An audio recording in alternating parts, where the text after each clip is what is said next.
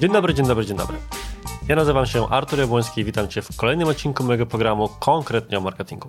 Dziś porozmawiamy sobie konkretnie o tym, jakie treści tworzyć, szczególnie jeżeli reprezentujesz firmę B2B na różnych etapach lejka zakupowego, a zwłaszcza na jego samym dole, więc tuż przed wysłaniem do Twojej firmy zapytania o potencjalną współpracę. Zaczynajmy.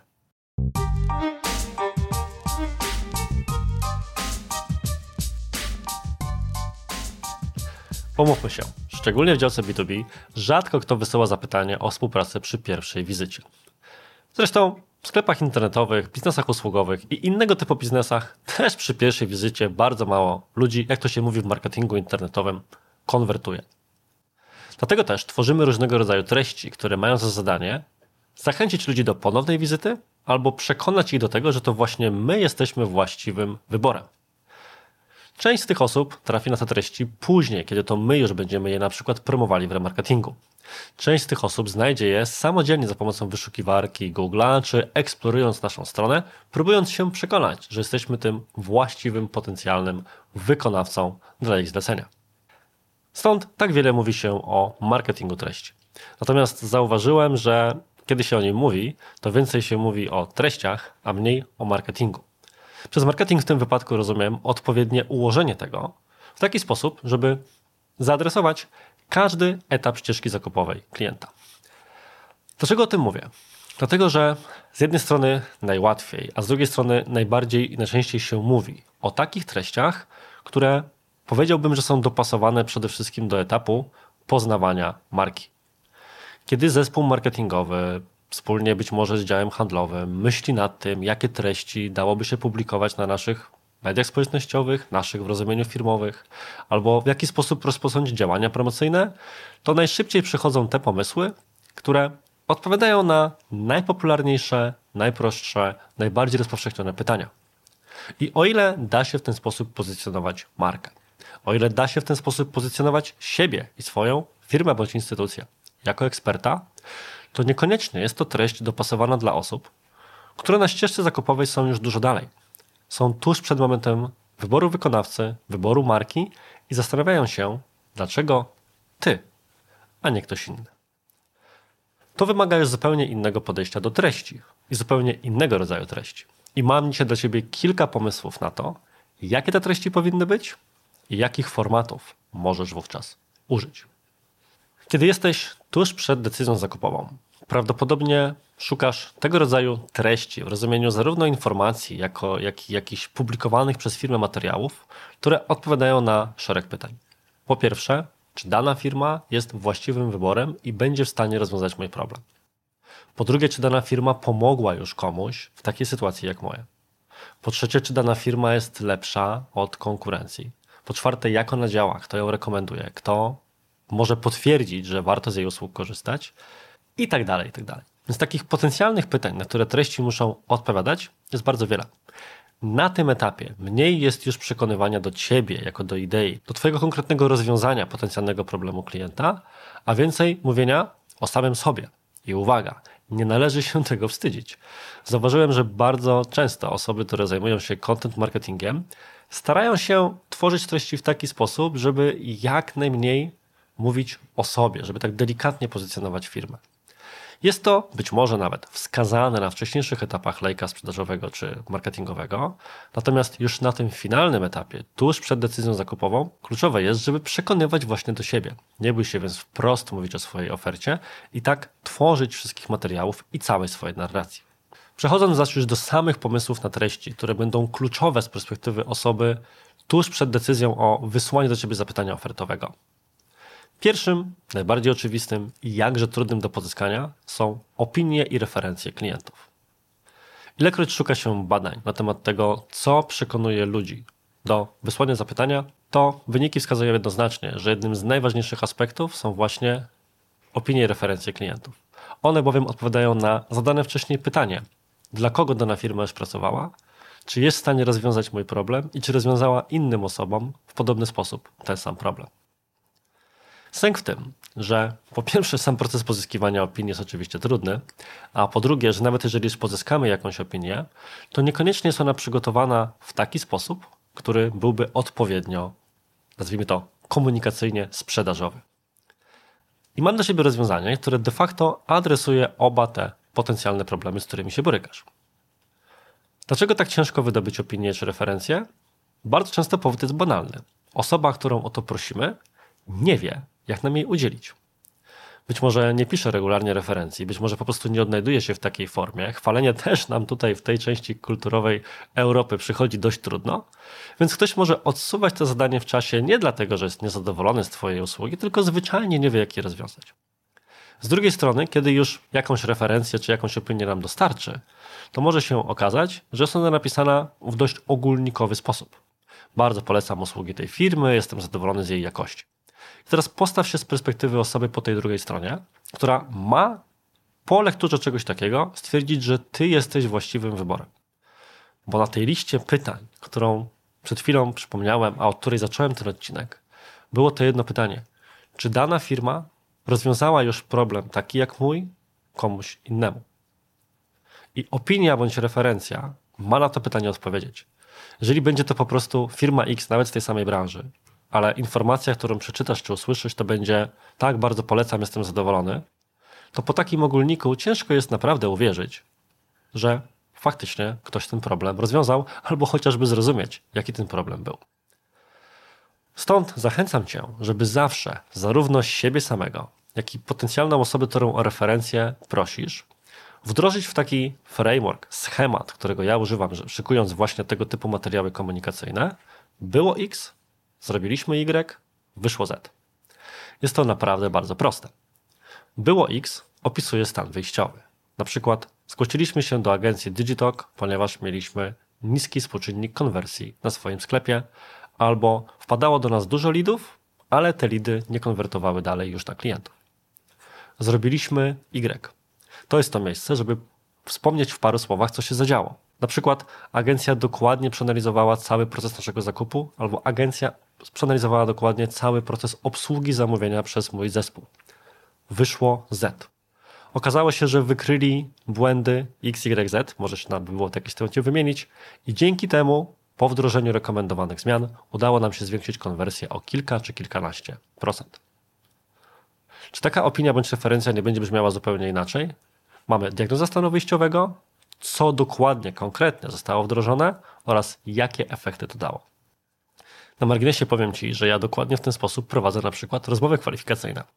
Kiedy rozmawiam z potencjalnym marketerem, rekrutowanym albo dla mojego zespołu, albo których czasami rekrutujemy dla naszych klientów, to zawsze szczególną uwagą obdarzam tych, którzy odpowiadając na pytanie na przykład o ostatnie projekty w firmie, odpowiadają w taki sposób, który wpisuje się w ten klucz było X, zrobiliśmy Y, wyszło Z. Bo to pokazuje, że myślą zarówno o nadaniu pewnego kontekstu, szczegółowym opisie rozwiązań, które wdrożyli, więc potrafią je wdrażać, oraz mają w sobie tę nutkę samorefleksji czy analityki, która pozwala im później stwierdzić, czy działania, które podjęli, przełożyły się na pożądany efekt. Typ treści szczególnie ważny dla firm B2B na samym dole etap, etapu procesu decyzyjnego to case studies. Można byłoby w skrócie powiedzieć, że case studies to opinie i referencje na sterydach. Natomiast co przez to rozumiem? Po pierwsze, case studies powinno wpisywać się w dokładnie ten sam schemat, o którym powiedziałem przed chwilą. Było X, stanu wyjściowego, zrobiliśmy Y, szczegółowy opis zadań, wyszło Z. Na jakie efekty się to przełożyło? Natomiast oczywiście da się do tego podejść w sposób nieco bardziej skomplikowany, ponieważ tutaj nie ma już tylko i wyłącznie opinii klienta, ale to ty opisujesz, co dokładnie po kolei się zadziało. I tu pojawia się bardzo ważny wątek. Mam wrażenie, że spora część case studies publikowanych na stronach internetowych jest publikowana z myślą o znajomych z branży, a nie o docelowych klientach. Case studies nie jest tym miejscem, w którym popisujesz się swoją znajomością tematyki używając skomplikowanych branżowych zwrotów i tym podobne. Myśl, pisząc o odbiorcy po drugiej stronie, którym nie ma być kolega po fachu, ale twój klient. Klient, który może nie znać, a co za tym idzie, nie docenić pewnych właśnie terminów, opisów Twoich działań, jeżeli będą przesadnie technicznym językiem podane. Skup się na uproszczeniu tego komunikatu z myślą o swoim docelowym odbiorcu, tym, który ma do Ciebie wysłać zapytanie. To, co jest również kluczowe w case studies, to odpowiednie prowadzenie narracji. Bardzo często case studies powstają na podstawie rozmowy z Twoim klientem. Jednocześnie powstają też na podstawie analizy działań podejmowanych przez zespół. I tak powstałe case studies możesz bardzo mocno powiązać ze swoją personą zakupową i wiedzą na temat tego, jak klienci od Ciebie kupują. Po przeprowadzeniu wywiadu z klientem i takiego wewnętrznego wywiadu z własnym zespołem, jesteś w stanie adresować poszczególne obiekcje, wskazywać kluczowe aspekty swojej oferty, które zdecydowały o wyborze właśnie Ciebie, zapozycjonować swoje usługi i de facto włożyć w treść materiału, który jest opisem skuteczności Twoich działań, jak najwięcej elementów i odpowiedzi na pytania, które klient zadaje sobie na etapie wyboru wykonawcy. Skup się więc nie tylko na tym, żeby zaprezentować same wyniki, ale żeby poprzez case study odpowiedzieć na te wszystkie inne elementy, o których mówiliśmy. Z jakim problemem przyszedł klient, jakie pytania sobie zadawał, dlaczego wybrał właśnie ciebie, a nie kogoś innego, jak wyglądał cały proces obsługi, tak żeby ktoś poznał na przykład metodykę Twojego działania i tak dalej, i tak dalej. Case studies to nie tylko prezentowanie suchych faktów, to również odpowiednia narracja, która pozwala poprzez taki dokument, taki materiał zobaczyć osobę po drugiej stronie, hej, ta konkretna firma pomogła firmom takim jak moja w dokładnie takiej sytuacji i z takimi samymi wątpliwościami, jakie ja teraz mam. Pamiętaj o tym. Treści na dół lejka numer 3 to procesy i procedury. Powody, dla którego to jest z mojej perspektywy jeden z najważniejszych typów treści na Twojej stronie, są de facto dwa. Po pierwsze, bardzo często jesteś w takiej branży, w której nie można pochwalić się swoimi klientami z uwagi na charakter umów, czy tego, że konkurencja tylko czyha, żeby się do tych ludzi odezwać z kontrofertą w stosunku do Twojej, ponieważ nie ma pojęcia, z kim pracujesz, czy z dowolnego innego powodu nie udaje nam się pozyskiwać na przykład zgód na to, żeby daną firmą czy daną osobą z danej firmy móc się później dalej promować. No bywa. Co wówczas zrobić? Czy się poddać? Nie. Możliwości jest wiele. Jedną z możliwości, którą możesz zrobić, to przygotowywać opisy swoich procesów i procedur. I na tej podstawie na przykład scenariusze, jak zachowałbyś się w sytuacji XYZ. Czyli jak obsługiwalibyśmy, bądź obsłużylibyśmy klienta z branży Y. Tak, żeby osoba, która, zadając raz jeszcze te same pytania, zastanawia się, czy jesteś w stanie pomóc podobnej firmie z podobnym problemem, z podobnymi wątpliwościami, zobaczyła w tym siebie. Natomiast nie posuwając się do takiego snucia hipotetycznych scenariuszy, nie musisz czuć się z tym komfortowo, możesz do sprawy podejść inaczej i stwierdzić, że opiszesz, do tego Cię zachęcam, jak działacie. Szczególnie często widzę coś takiego w branży IT i zachęcam wszystkich, którzy z tej branży nie są, do zaadoptowania tego rozwiązania na potrzeby swojej branży. Pamiętaj, że odpowiednie oprocesowanie i oprocedurowanie widoczne w Twojej firmie buduje zaufanie. Człowiek po drugiej stronie wie, że ma do czynienia z ludźmi, którzy działają w powtarzalny sposób. To, że masz pewne procesy i idziesz, że tak powiem, krok po kroku, realizując na przykład zamówienie, pokazuje, że jesteś poukładany. A skoro jesteś poukładany, to podobnego poziomu obsługi ktoś może oczekiwać również w swoim przypadku, a co za tym idzie, może oczekiwać powtarzalnej jakości. I o to właśnie chodzi. Czwarty typ treści, de facto dwa w jednym, to treści typu alternatywa do oraz versus. Przypomnij sobie, jak ostatnio szukałeś na przykład jakiegoś narzędzia marketingowego, albo CRM-a, albo programu do zarządzania zadaniami. Prawdopodobnie udało Ci się ustalić jakiegoś takiego jednego lidera rynku, który stał się Twoim być może benchmarkiem albo kilka tego typu firm.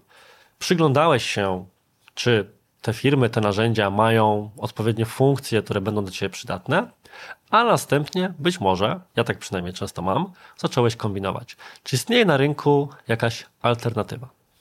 I to jest ten moment, kiedy wpisuje się w Google hasła typu Asana alternatywa albo alternatywy do Asany, bądź dowolną inną kombinację.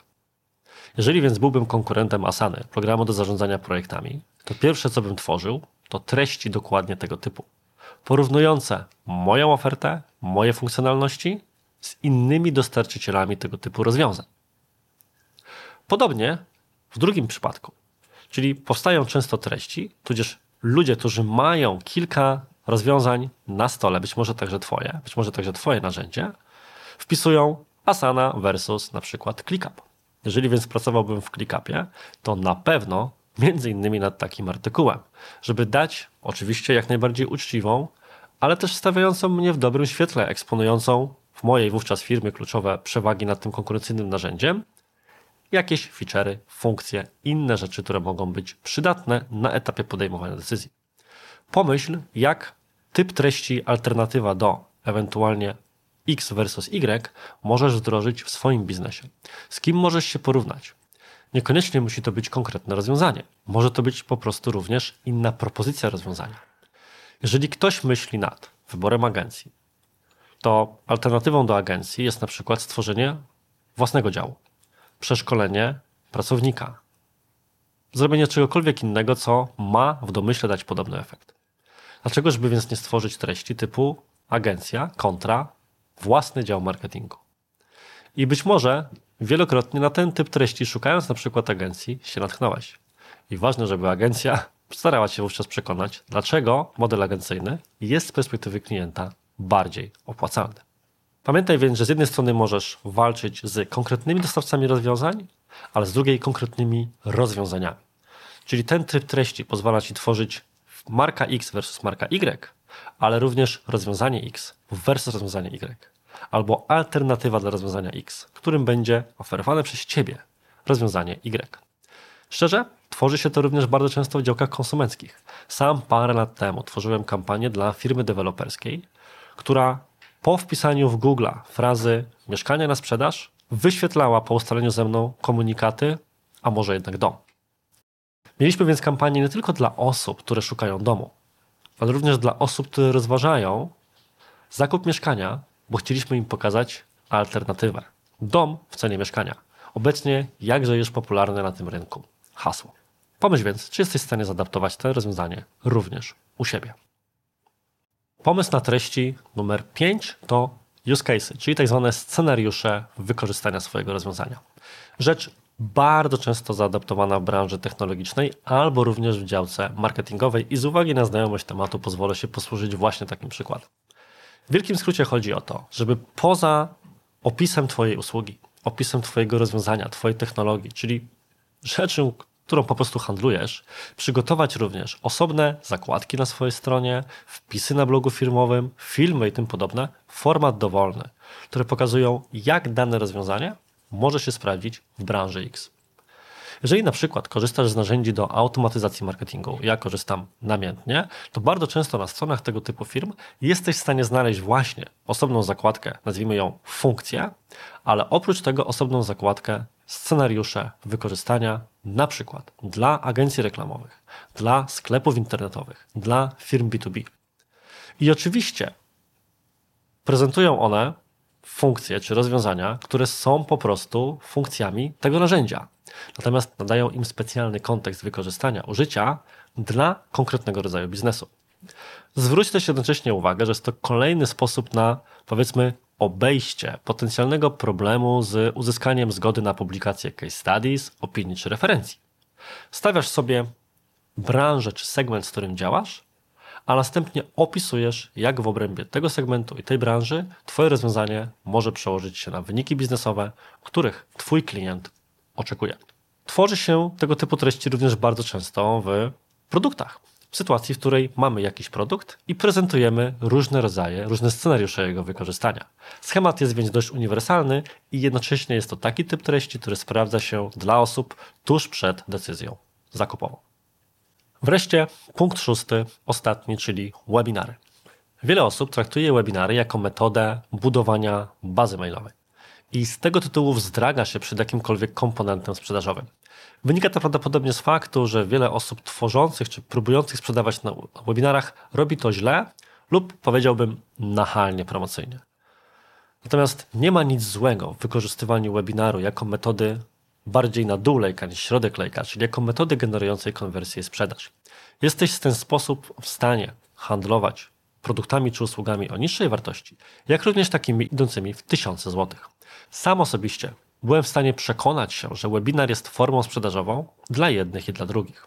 Nasza konferencja, konkretnie o marketingu, była sprzedawana między innymi za pomocą webinarów. Webinarów, które po pierwsze były merytoryczne, ale następnie przedsiębiorcom, marketerom, pracownikom firm zebranych na tym, na tym wirtualnym wydarzeniu prezentowaliśmy, o ile więcej będą w stanie dowiedzieć się podczas wydarzenia na żywo za X czasu. I za każdym razem po takim webinarze udało nam się sprzedać kolejne kilkadziesiąt biletów. Z drugiej strony zaś miałem okazję pracować z firmą, której nazwy nie mogę podać z powodów, które padły już w tym filmie, zajmującą się wdrażaniem strategii Lean w różnego rodzaju organizacjach. Tego typu usługa, czy tego typu program szkoleniowy, bo taka usługa również była na stole, kosztuje kilka tysięcy złotych.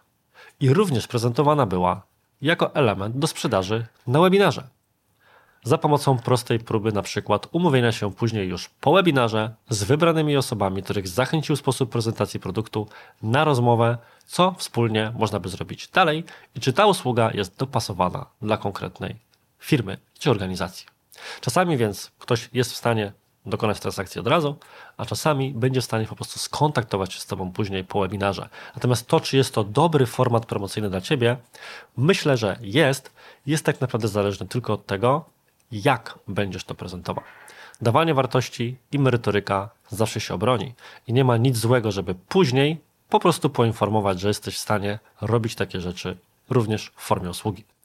A bardzo często mam takie wrażenie, że firmy chcą tworzyć treści, ale boją się tego aspektu marketingowego i w trakcie prezentowania jakiejś treści powiedzenia również, że hej, na czymś takim zarabiamy pieniądze. A przecież nie ma się czego wstydzić. Podsumowując więc, Content marketingu. Bardzo ważne, żeby dopasować treści, które tworzymy do różnych etapów lejka sprzedażowego, lejka marketingowego. Bardzo wiele osób skupia się wyłącznie na treściach, na samą górę lejka. Są dla nich najprostsze, najłatwiejsze w wykonaniu i jednocześnie przynoszą na przykład najwięcej ruchu na stronie. Ale jest to wówczas przede wszystkim odpowiadanie na najbardziej popularne pytania czy wątpliwości o samo rozwiązanie czy samą usługę, a niekoniecznie o ciebie, co oznacza, że niekoniecznie przełoży się to na sprzedaż właśnie w Twoim biznesie. Im dalej w procesie zakupowym jesteśmy, tym bardziej konkretne pytania, bardziej niszowe się pojawiają. Pytania, które da się sprowadzić do tego kilku, do tych kilku pytań, które padły już wcześniej, czyli czy to jest firma dla mnie, czy to rozwiązanie jest dla mnie i czy ta firma w podobnych sytuacjach, podobnymi problemami już sobie kiedyś poradziła. Więc jesteśmy w stanie przygotować treści, od webinarów począwszy, na odpowiednio dopracowanych referencjach czy opiniach klientów skończywszy, które na tego typu wątpliwości będą odpowiadać. I mam nadzieję, że na podstawie tego filmu będziesz w stanie rozpocząć dyskusję w swojej firmie, jak wdrożyć treści na niższe etapy, późniejsze etapy lejka zakupowego, lejka marketingowego w swoim biznesie. A jeżeli potrzebowałbyś w tym zakresie pomocy, konsultacji czy wykonawstwa, zgłoś się do mnie i mojej agencji. Link do odpowiedniej podstrony, gdzie będziemy mogli umówić się na rozmowę, żeby dowiedzieć się więcej, jak moglibyśmy Ci pomóc, znajdziesz w opisie tego materiału, jak zawsze. Tymczasem na dziś to wszystko. Do usłyszenia w kolejnym odcinku, prawdopodobnie już za tydzień i cześć.